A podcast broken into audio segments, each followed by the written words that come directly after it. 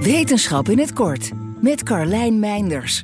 Nanodeeltjes ontwikkeld door bio-engineers van de Technische Universiteit Eindhoven en immunologen van het Radboud UMC gaan een overreactie van het immuunsysteem eerst tegen om het immuunsysteem vervolgens een boost te geven.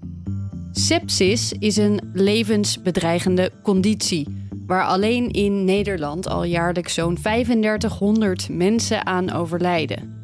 Bij sepsis raakt het immuunsysteem ontregeld door een infectie met een bacterie, schimmel of virus. Die ontregeling bestaat tegelijkertijd uit een te hevige immuunreactie, genaamd hyperinflammatie, en een soort verlamming van het immuunsysteem.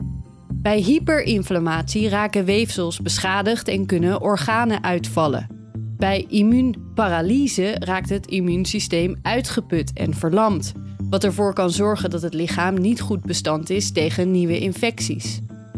Al jaren zoeken wetenschappers wereldwijd naar een goede therapie tegen sepsis.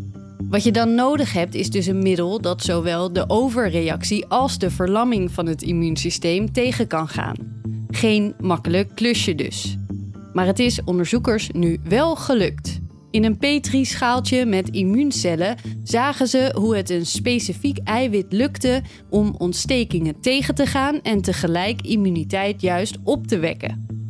Dit eiwit hebben ze nu gecombineerd met een ander lichaams-eigen eiwit, een zogenaamd fusie-eiwit.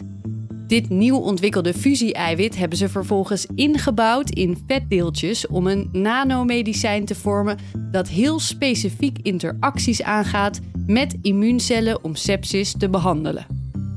In vervolgonderzoek moet de therapie ook getest worden in patiënten. En met behulp van biotech incubator Biotrip hopen de onderzoekers daarna hun onderzoek snel te kunnen vertalen naar de kliniek. Wil je elke dag een wetenschapsnieuwtje? Abonneer je dan op Wetenschap vandaag. Spotify is partner van Wetenschap vandaag. Luister Wetenschap vandaag terug in al je favoriete podcast-apps. Ook Liesbeth Staats vind je in de BNR-app. Ja, heel handig. Luister live naar Kees en mij tijdens de Daily Move. Dan blijf je ook gelijk op de hoogte van breaking news en het laatste zakelijke nieuws. En daar vind je ook alle BNR-podcasts, waaronder de Perestrooikast. Download nu de gratis BNR-app en blijf scherp.